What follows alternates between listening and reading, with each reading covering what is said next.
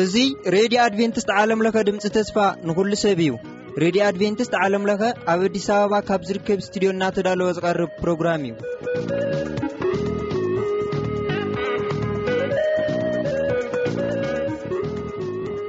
በብዘለኹም ምኾንኩም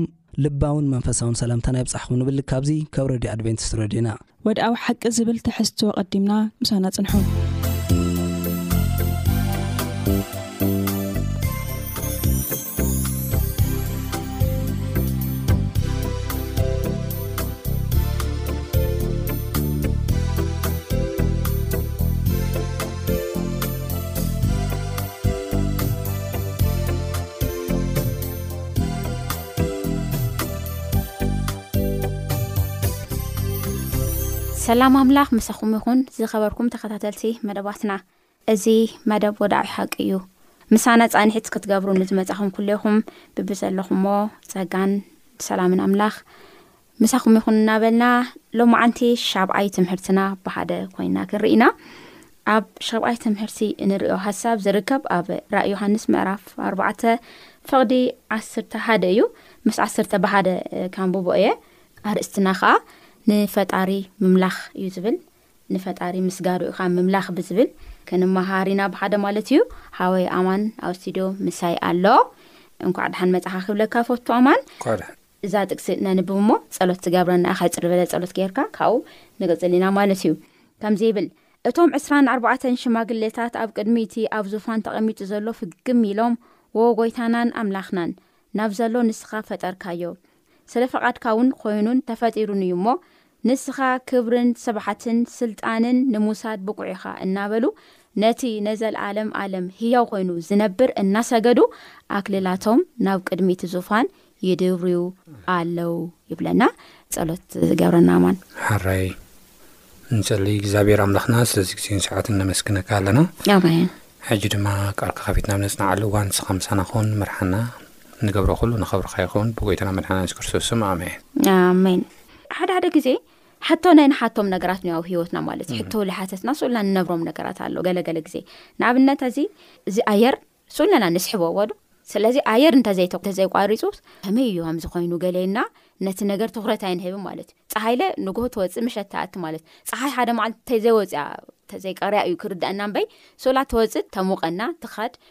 ወርሒለ ሰዓታ ሓልያ ትመጽእ ማይለ ከምኡ እቶም ተፈጥሮ ዝኾኑ እግዚኣብሄር ብተፈጥሮ ዝሃበና ነገራት ኣይነስተዑሎም እዩ ማለት እዩ ግን ባዕሎም ምህላዮም ባዕሉ እኳ ኣይንዝክር እዩ ነቲ ንፈሶ ኣየርሲ ምህላዩ ባዕሉ ሳይን ኣይነስታወስ እዩ ማለት እዩ ኮይኑ ግን ሓና ብዘይ ሕቶ ብዘይ ምስጋና ብዘይ ምንም ስኡልና ንቕበሎም ነገራት ኩሎም እግዚኣብሄር ስለ ዝገበሮም እዮም ዝተገብሩ ኣውዚሃሙ ይብለና እግዚኣብሄር እዩ ንዝኦም ነገራት ኩሉ ፈጣሪ ኦም ማለት እዩ ስለዚ እግዚኣብሔር ክምልኽ ኣለዎ ክምስገን ኣለዎ ነገረ ስራሕኪ ኩሉ ክንገረሉ ኣለዎ ዝብል ይነግረና ማለት እዩ እና እዚ ንሪኦ ነገር እዩ ኣብ ጥቃና ዘሎ እዩ ዩኒቨርስ እዚ በዓሉ ብጣዕሚ ዓብይ ሰፊሕ ነገር እዩ እና ኣብኡ ዘሎ ተቆፂሩ ዘይውዳእ ነገር ኩሉ ከዓ ብመን እዩ ተፈጢሩ እግዚኣብሔር እዩ ፈጢሩ ማለት እዩና ሕዚ እዞም ነገራት እናስተውዕል ናይ እግዚኣብሄር ፈጣሪነት እናስተውዕለሉ እግዚኣብሄር ፈጣሪ ስለ ዝኾነ ኸዓ እንታይ እዩ እንታይ እዩ ክንገብረሉ ኣና እንታይ እዩ ዝብል ኣብ ሰሞኑ ዘይ ጥቕልል ኣቢልና ንሪኦ ሃሳብ እዩ ዝኸውን ኣማን ሓወይ ናባኻ ክንመፅ እሞ ባህሪ እግዚኣብሄር ሲ ንርአ ባህሪ እግዚኣብሄር ንርአይ ኣብ ግብረ ሃረ ምዕራፍ ሃደ ቁፅሪ ትሽዓተ እንታይ ይብል ክርስቶስ የሱስ ዓርክና ክርስቶስ የሱስ ፎታዊና ከም ዝኾነ ይነግረና እና እስቲ ብከመይ እዩ ፈትዩና ብከመይ እዩ ኣፍቂሩና ብከመይ እዩ ናቱ ፍቕሪ ከዓህና ንርዳእ ሕፅር ኣቢልካ ትገልፀና ማንሖት እግዚኣብሔር ይመስገን መፅሓፍ ቅዱስ ኣብ ዮሃንስ ወንጌል መራፍ 1ዱሽ ፍቕዲ 3ሰለስተንሲ ሓደ ዝብሎ ቃል ኣሉ ንሱ ድማ እንታይ እዩ ኣብ ዓለም ፀበባ ኣለኩም ኢሉስ ግናኸ ኣጆኹም ኣነ ንዓለም ስዒረያ እየ ይብል። ኣብ ጸበባና ዘይፍለየና ጎይታ ስለ ዝኾነ ማለት ኖርማሊ ብዙሕ ሰብ ኣብ ጸበባኻ ኣብ ሽግርካ ኣብ ስእነትካ እንታይ እዩ ዝገብር ርሕቐካ እዩ የሱስ ክርስቶስ ግን ኣብ ጸበባ በይንና ብሕትና ከለና እኳ ዘይገድፈና ግርመኪ እዩ ዮሃንስ እዚ ነገር እዚ ክፅሕፍ ከሎ እዚ መፅሓፍ እዚ ራእይ ክረኣይ ክርኢ ከሎ በይኑ ኣብ ጳትሞስ ትበሃል ደሴት ሓደ ናይ መቕዛዕቲ ስልቲ እዩ ኣብቲ ግዜ እቲ ዝነበረ ጨካናት እዮም ነሮም ፓጋን ሮም ወይ ድማ ኣረሜናዊ ሮም ንብሎም ኣገዛዛ እዩ ነይሩ ነገር ግን ማንም ሰብ ኣብ ዘይብሉ፣ ማንም ምግቢ ኣብ ዘይብሉ፣ ተኣሲሩ እሞ ከኣ ኣብቲ ደሴት ክንቀሳቐሰሉ ኣብ ዘይክእል፣ መቑሪ ኮቦርታ ኣብ ዘይብሉ፣ ዓራት ኣብ ዘይብሉ፣ ብኸውፉ ቅጥቀጥ እናበለ እግሩ እዚ ዓይነት ብርሃን፣ እዚ ዓይነት ተስፋ እግዚኣብሔር ክቦ ከሎ ኢና ንርኢ እሞ ኣብ ማንም ይኹን ኣብ ጳጥሞስ ቦታ ደሴት ክንከውን ንኽእል ኢና ብሕትና ተኣሲርና ምንም ዘሌና ነገራት ኩሉ ስኢና ባዶ ኮይና ክንርከብ ንኽእል ንኸውን፣ ምናልባት ብሽግር እውን ክንሓልፍ ንኽእል ንኸውን፣ ነገር ግን ንሱ ኩሉ ግዜ ምሳና እዩ። ፍቕሩ ከዓ ኩሉ ግዜ ተስፍኡ ከዓ ኩሉ ግዜ ምሳና እዩ። ካብ ዝገርመኪ ኣብ ጳጥሞስ ብዓቢ ስቓይ እኳ ይሓልፍ እንተነበረ ዮሃንስ ብናይ እግዚኣብሄር ጸጋን ብናይ እግዚኣብሄር ምጽንናዕን በቲ ዝህቦ ተስፋን ግን ዓቢ ዝኾነ ብርትዐ፣ ዓቢ ዝኾነ ሓይሊ ከም ዝረኸበ ኢና ንርኢ። እወ ናይ ሰይጣን ሓሳብ በቶም ሮማውያን ኣገዛዝኣ መንገዲ ቶርች ጌሩ ኣሳቕዮም፣ ብምግቢ ስእነት፣ ብቑሪ ክመውት እዮም ደልዮም ነይሮም፣ ብብሕታውነት፣ ብጭንቀት ክመውት እዮም ደልዮም ነይሮም። ነገር ግን ብናይ እግዚኣብሄር ተስፋ ዓቢ ንዓ ንብዙሓት ንሚልዮናት በረኸት ዝኸውን ንዓና እውን ንበረኸት ዝኸውን ኣብዚ ትውልዲ ዘለና ዝኸውን ነገር ኣትሪፉ ከም ዝሓለፈ ኢና ንርኢ ማለት እዩ እሞ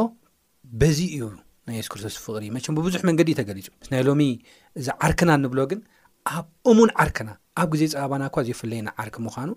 በዚ እየ ዝርድኦ ኣነ ሓሳቡ ማለት እዩ ኣሜን ኣምላኽ ይበርካ ኣማን ሓወይ ስለዚ ኣብ ፀባባና ኣብ መከራና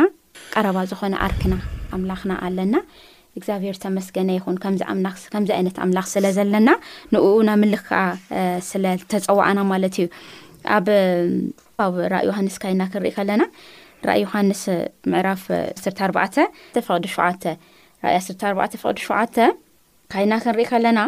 ከምዚ ይብለና ብብርቱዕ ድምፂ ከዓ እታ ዝፈርደላ ግዜ በፂሓ እያ እሞ ንኣምላኽ ፍርህዎ ክብርውን ሃብዎ ነቲ ሰማይን ምድርን ባሕርን ዓይኒ ማያትን ዝገበረ እንታይ ግበሩ ስገድሉ በለ ይብለና ኣብዚ ቦታ እዚ ክንርኢ ከለና እዚ መልእክቲ እዚ እዚ ናይ መጀመርያ መልኣኽ መልእክቲ ክጠናቂ ከሎ ክውዳእ ከሎ እታ ዝፈርደላ ሰዓት በፂሓ ምስ በለ ካብኡ ከዓ ምሕፅንታ የቕርበልና ማለት እዩ ነቲ ሰማይ ምድርን ዝፈጠረ ስገዱ ይብለና ማለት እዩና ሕዚ ፃውዒት ተቕርበልና እዚ ሰማይና ምድርን ዝፈጠረ እግዚኣብሄር እዩ ዝብል ነገር ግን ካብ ሰይጣንን ንሰይጣን ከኣ ተገዛእቲ ምስ ዝኾኑ ሰባት እንታይ እዩ ክበጽሖ ከሎ ኢና ዶ መጥቃዕቲ ክበጽሖ ከሎ ኢና ንርኢ ኣብዚ ዘመን እዚ ሕዚ ዝግመተ ለውጢ እዚ ሰብ ካብ ዝኾነ ነገር መጽዩ ዝብል ቀጥታ ንእግዚኣብሄር ፈጣሪ እንታይ ይገብር ተጻራሪ እዩ ልኸድ ማለት እዩ እና በዚ እምነት እዚ ኸኣ ብዙሓት ተሃዊሶም ኢኖ ብዙሓት ናብዚ እምነት እዚ ኣትዮ ኒኦ ማለት እዩ እና እዚ ናይ ራእይ ዮሃንስ ምዕራፍ ናይ መጀመርያ መልኣኽ መልእክቲ ምዕራፍ ዓሰርተ ኣርባዕተ ፍቅዲ ሸውዓተ ዝተመስረተ ኣበዩ ኣብ ዘፍጥረት ሓደ እዩ ዘፍጥረት ሓደ ብመጀመርታ ይብል ብመጀመርታ እግዚኣብሄር ሰማይ ምድርን ፈጠረ ኣብ ዝብል እዩ ዝተመስረተ ማለት እዩና እዚ ናይ መጽሓፍ ቅዱስ ጽሑፍ እዚ መሰረት ዝገበረ ከኣ እግዚኣብሄር ፈጣሪ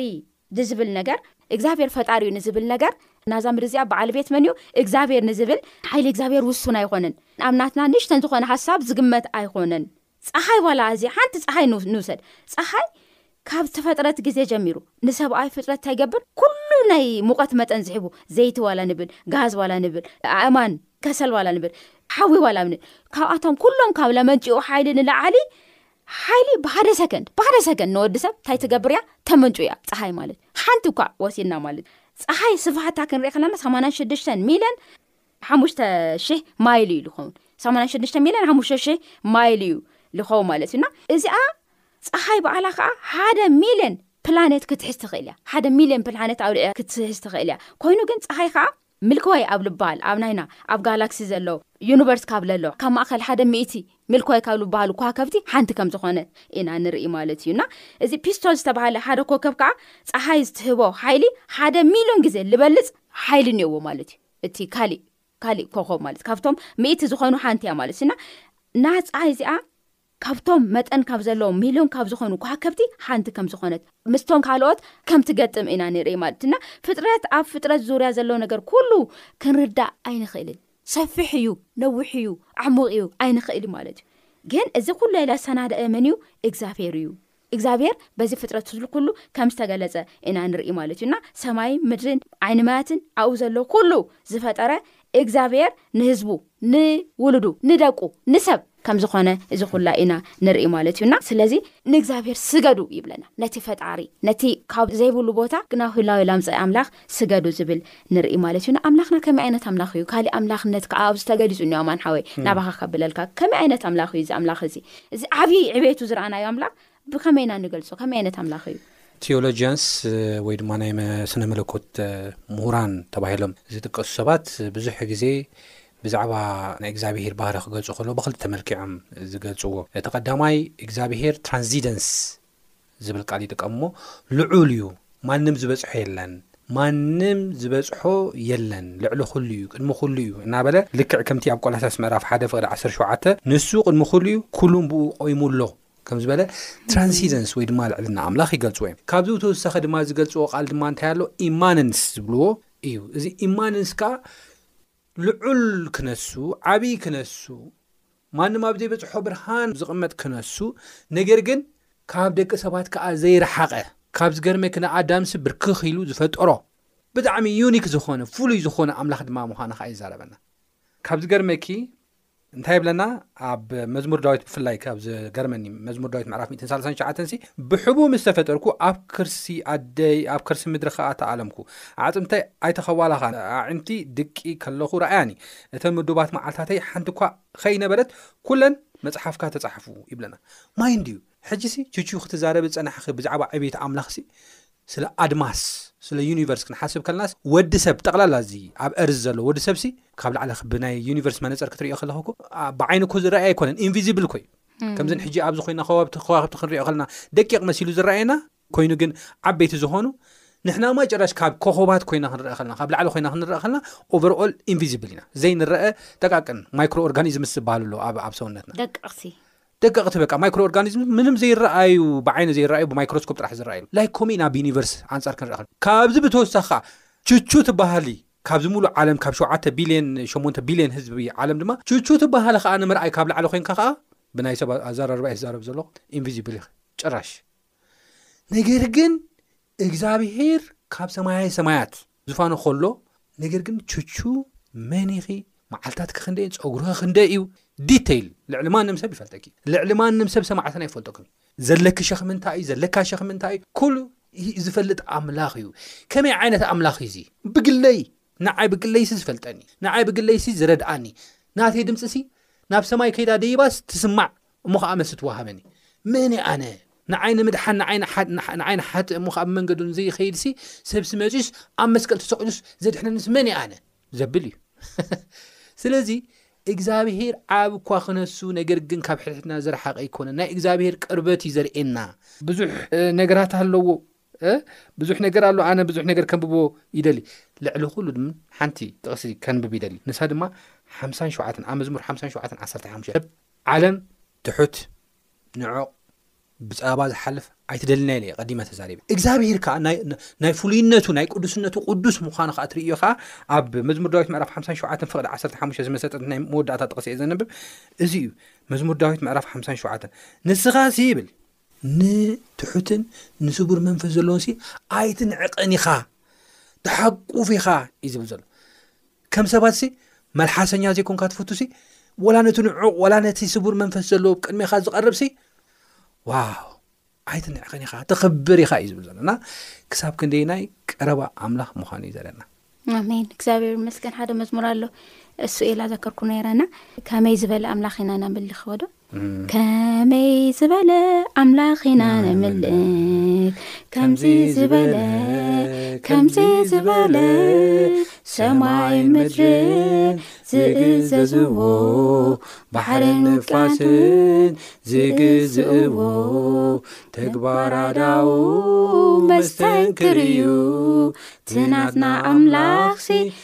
ኤልሻዳዩ ኣሜን እግዚኣብሔር መስገን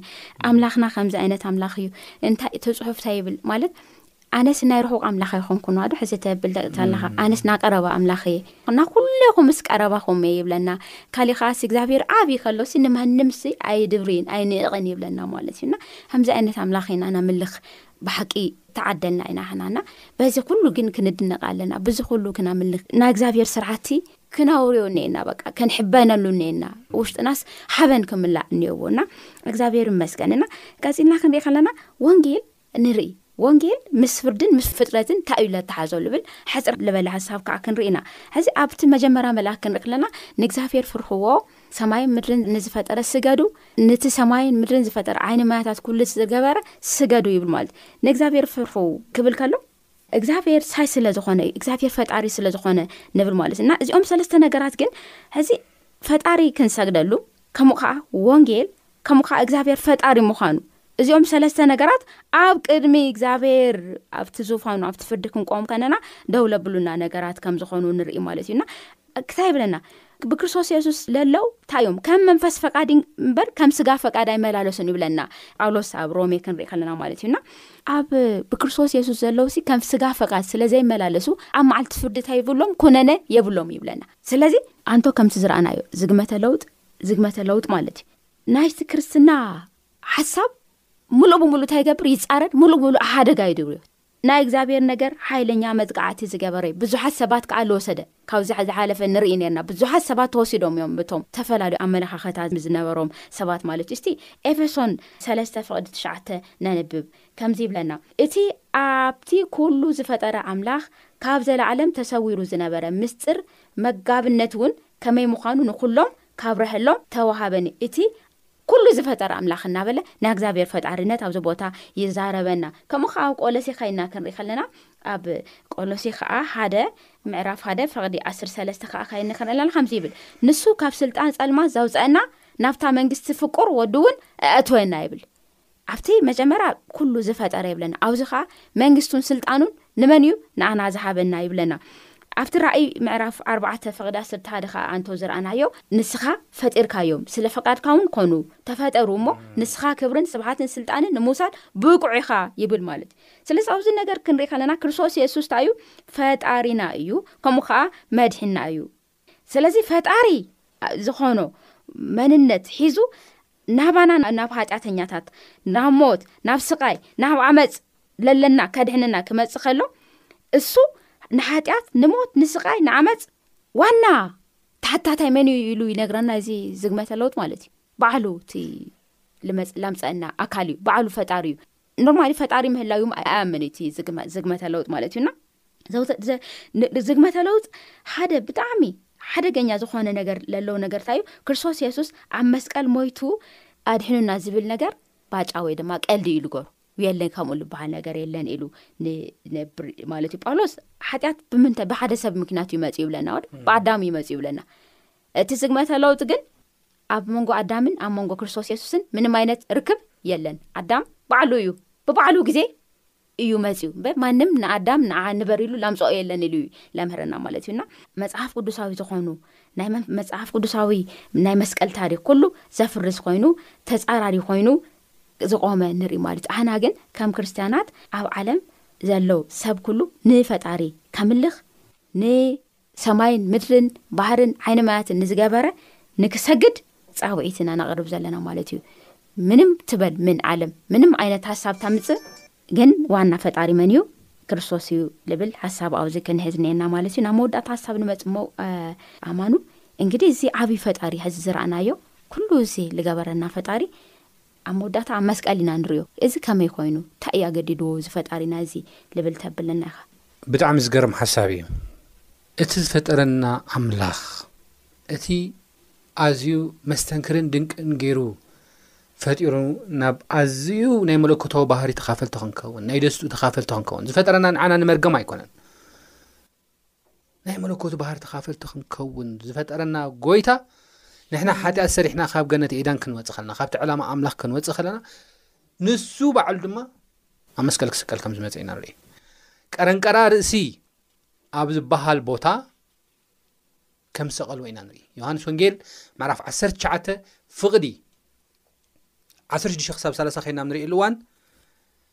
ብዙሕ ምስ ገረፍዎ ስሌና ብዙሕ ምስ ተሳቐየ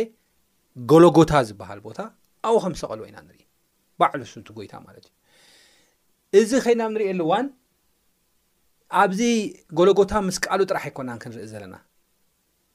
እቲ ዋና ሓሳብ እውን ከይና ክንሪኦ ከለና ፊልጵስ ምዕራፍ 2 ፍቅዲ 7 ክሳብ 8 ከይና ንሪእሉ እዋን ካብ ሰማይ ክመፅእ ከሎ እውን ርእሱ ኣሕሲሩ ርእሱ ባዶ ገይሩ ካብ ሰማይ ናብ ምድሪ ወሪዱ ዋጋ ከፊሉ ንዘለኣለም ጠፊኡ ንሕና ንዘለኣለም ህይወት ክንነብር ዋጋና ከም ዝኸፈለልና ዕዳና ከም ዝኸፈለልና ኢና ንርኢ እሞ እንታይ እዩ ከምዚ ዓይነት ፍቕሪ ከምዚ ዓይነት ስራሕ ስራሓልካ ስራሕ ከመይ ጌርካ ኢኻ ትምለሰሉ እንታይ እዩ ትምላሽ ካባኻ እዩ ናይ ሎም ዓን ስምበር ትምህርቲ እቲ ምላሽ ኣብ ራይ ምዕራፍ 14 ፍቕዲ ሸውዓተ ዘሎ እዩ ንሱ ድማ እግዚኣብሄር ፍርህዎ ክብሪውን ሃብዎ ነቲ ሰማይን ምድርን ባሕርን ዓይኒ ማያትን ዝፈጠረ ኸኣ ስገድሉ ዝብል እዩ ንስገደሉ እዚ እዩ እግዚኣብሄር ካባና ዝደልዮና ምንም ብዙሕ ነገር የለን ምንም ምንም የለን ኦልሞስ ቴንኪዩ ምባል ጥራሕ እዩ ዝደሊ እግዚኣብሄር ካባና ብቅዱስንኡ ከም ፍቃዱ ክንነብር እዩ ዝደሊ እግዚኣብሄር ኣምላኽና እንደገና ናብ ሓጢኣት ከይንምለስ እቲ ዘፍሰሶ ደም ዋጋ ሪኡ ኩላትና ክንድሕን እዩ ዝደሊ ጎይታ የሱስ ክርስቶስ ካልእ ካባና ዝደልዮ ሓደ ነገር እኳ የለን እሞ እንታይ ክንገብር ኣለና ክንጥንቀቅ ክንክእል ኣለና ቅድሚ ምውዳእ ግን ክልተ ሓሳባት ክለዓላ ዘለዋን ሓሳባት ክልዕል ደሊ ብዛዕባ ስገድሉ ዝብል ቃልን ማለት እዩ ቀዳማይ ንሕና ንካልኦት መላእኽቲ ዘይንሰግደሎም ንካልኦት ቅዱሳን ዘይንሰግደሎም ንጎይታ የሱስ ክርስቶስ ጥራሕ እንስግደሉ ዋና ምክንያት ንሕና ዘይኮነስ መጽሓፍ ቅዱስ እውን ዘምህረና ምክንያት እንታይ እዩ? እግዚኣብሄር ፈጣሪ ስለ ዝኾነ እዩ። ቅዱሳን መላእኽቲ ፈጠርቲ ይኮኑ ፈጠርቲ ይኮኑ ቅዱሳን ሰባት እውን ፈጠርቲ ይኮኑ ተፈጠርቲ እዮም ብምሎም እግዚኣብሄር ግን ካብ ዘይንቡር ናብ ንቡር ዘምፀአ ፈጣሪ እዩ ንዑ እዩ ሕጂ ብዙሕ ግዜ ከነመሳስሎ ንኽእል እዚ ናይ ክብሪ ከምኡ ዝበሃል የለን ንእግዚኣብሄር ስገድሉ እዩ ዝብል እቲ መጽሓፍ ቅዱስ ብጀካይ ካልኦት ኣማለኽቲ ኣይገበረሉ እዩ ስለዚ ንእግዚኣብሄር ኣብ ንሰግደሉ እዋን እታ ካልእቲ ነጥበይ ድማ ክንሪኣ ከለና እታ ካልእቲ ነጥበይ ድማ ክንሪኣ ከለና ብትኽክል ንእግዚኣብሄር ኣብ ንሰግደሉ እዋን ብሓቅን ብመንፈስን ንእግዚኣብሄር ኣብ ነምልኸሉ እዋን እቲ ናይ ህይወት ትርጉሙን ንይርዳእና እዩ ንሞተሉ ነገር እውን ይህሉ እዩ ከም በዓል ዮሃንስ ንሞተሉ ነገር ሚኒንግ ንረኽበሉ ኢና ሎሚ ሰብ እንታይ እዩ ትርጉሙ ብህይወት መንባረይ ዝብል ብዙሕ እዩ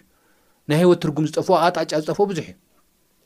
ነገር ግን እግዚኣብሄር ብትኽክል ከነምልኾ ከለና ናይ ህይወት ትርጉሙ ንኣኡ ከሎ ከም ዝገለጸልና እንሞተሉ ነገር እውን ከም ንረክብ እነብረሉ ኩነታት እውን ከም ንረክብ እዩ ዝነገረና ማለት እዩ እሞ እዚ ይመስል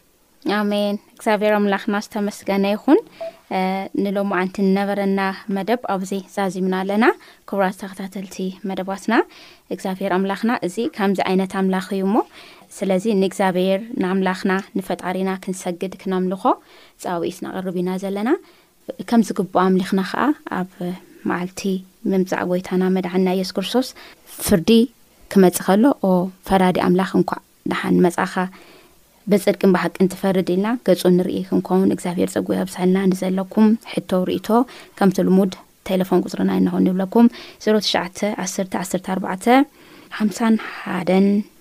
ዜሮ ሓሙሽተ ወይ ድማ ዜሮ ትሽዓተ ዕስራን ሓደን ሰማንያን ሸሞንተን ኣርባዓን ትሽዓተን ዓሰርተ ክልተ ካብዚኦም ብሓደ ክትድውሉ ወይ ከዓ ቴክስት ጽሑፍ ክጽሕፉ እናዘኻኸርና ኣብ ዝቕጽል ክሳብ ንራኸብ ጸጋ ኣምላኽ ምስ ኩላትና ይኹን ሰላም